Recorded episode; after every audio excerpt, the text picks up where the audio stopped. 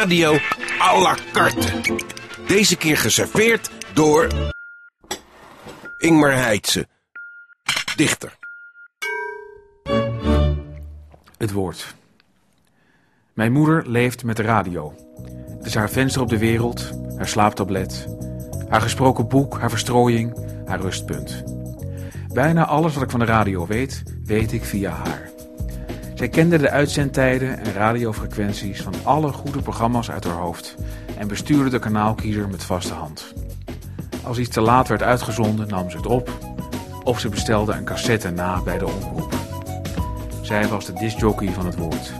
Ik zat aan de keukentafel of hing op de bank en luisterde.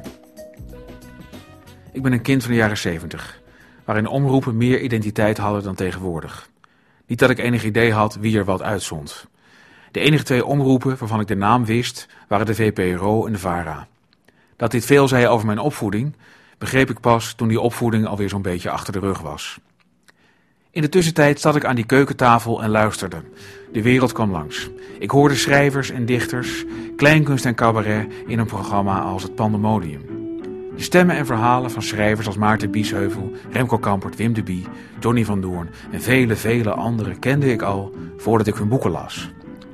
Ik luisterde naar interviewers die met de saaiste schlemiel nog een interessant gesprek konden voeren en het grootste politieke ego tot beluisterbare proporties wisten terug te brengen. Ik hoorde hoe cafés en studio's vol mensen reageerden bij live-uitzendingen en verstilde marathongesprekken van uren achter elkaar, met hooguit wat klassieke muziek ertussen gemonteerd.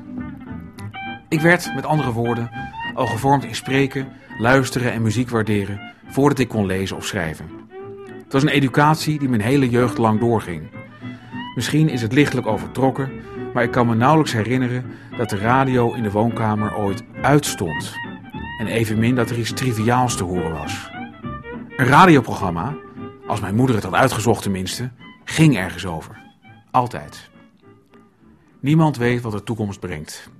Maar de kans is groot dat er een dag komt dat ik leef in een wereld die mijn moeder al heeft verlaten. Het is een vooruitzicht waar ik zo min mogelijk bij stil wil staan. Maar één ding weet ik nu al zeker. Als ik haar dan zal missen, zoals alleen een veel te oude zoon zijn moeder missen kan, ongetwijfeld ergens honderd uur van de wolf, niet lang voordat de druilerige, duistere nacht over zal gaan in een grijze, grimmige ochtend, dan hoef ik alleen maar uit bed te stappen, op mijn tenen naar mijn werkzolder te klimmen en de radio aan te zetten om bij haar te zijn. Iets in mij weet zeker dat ik haar net in gesprek zal treffen met zo'n grote dode radiomaker aan wie ze alles vertelt wat ik zelf vergeten was te vragen.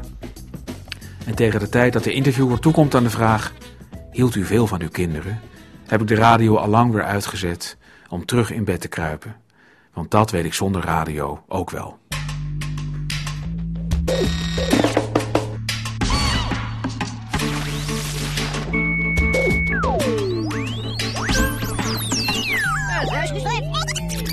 29.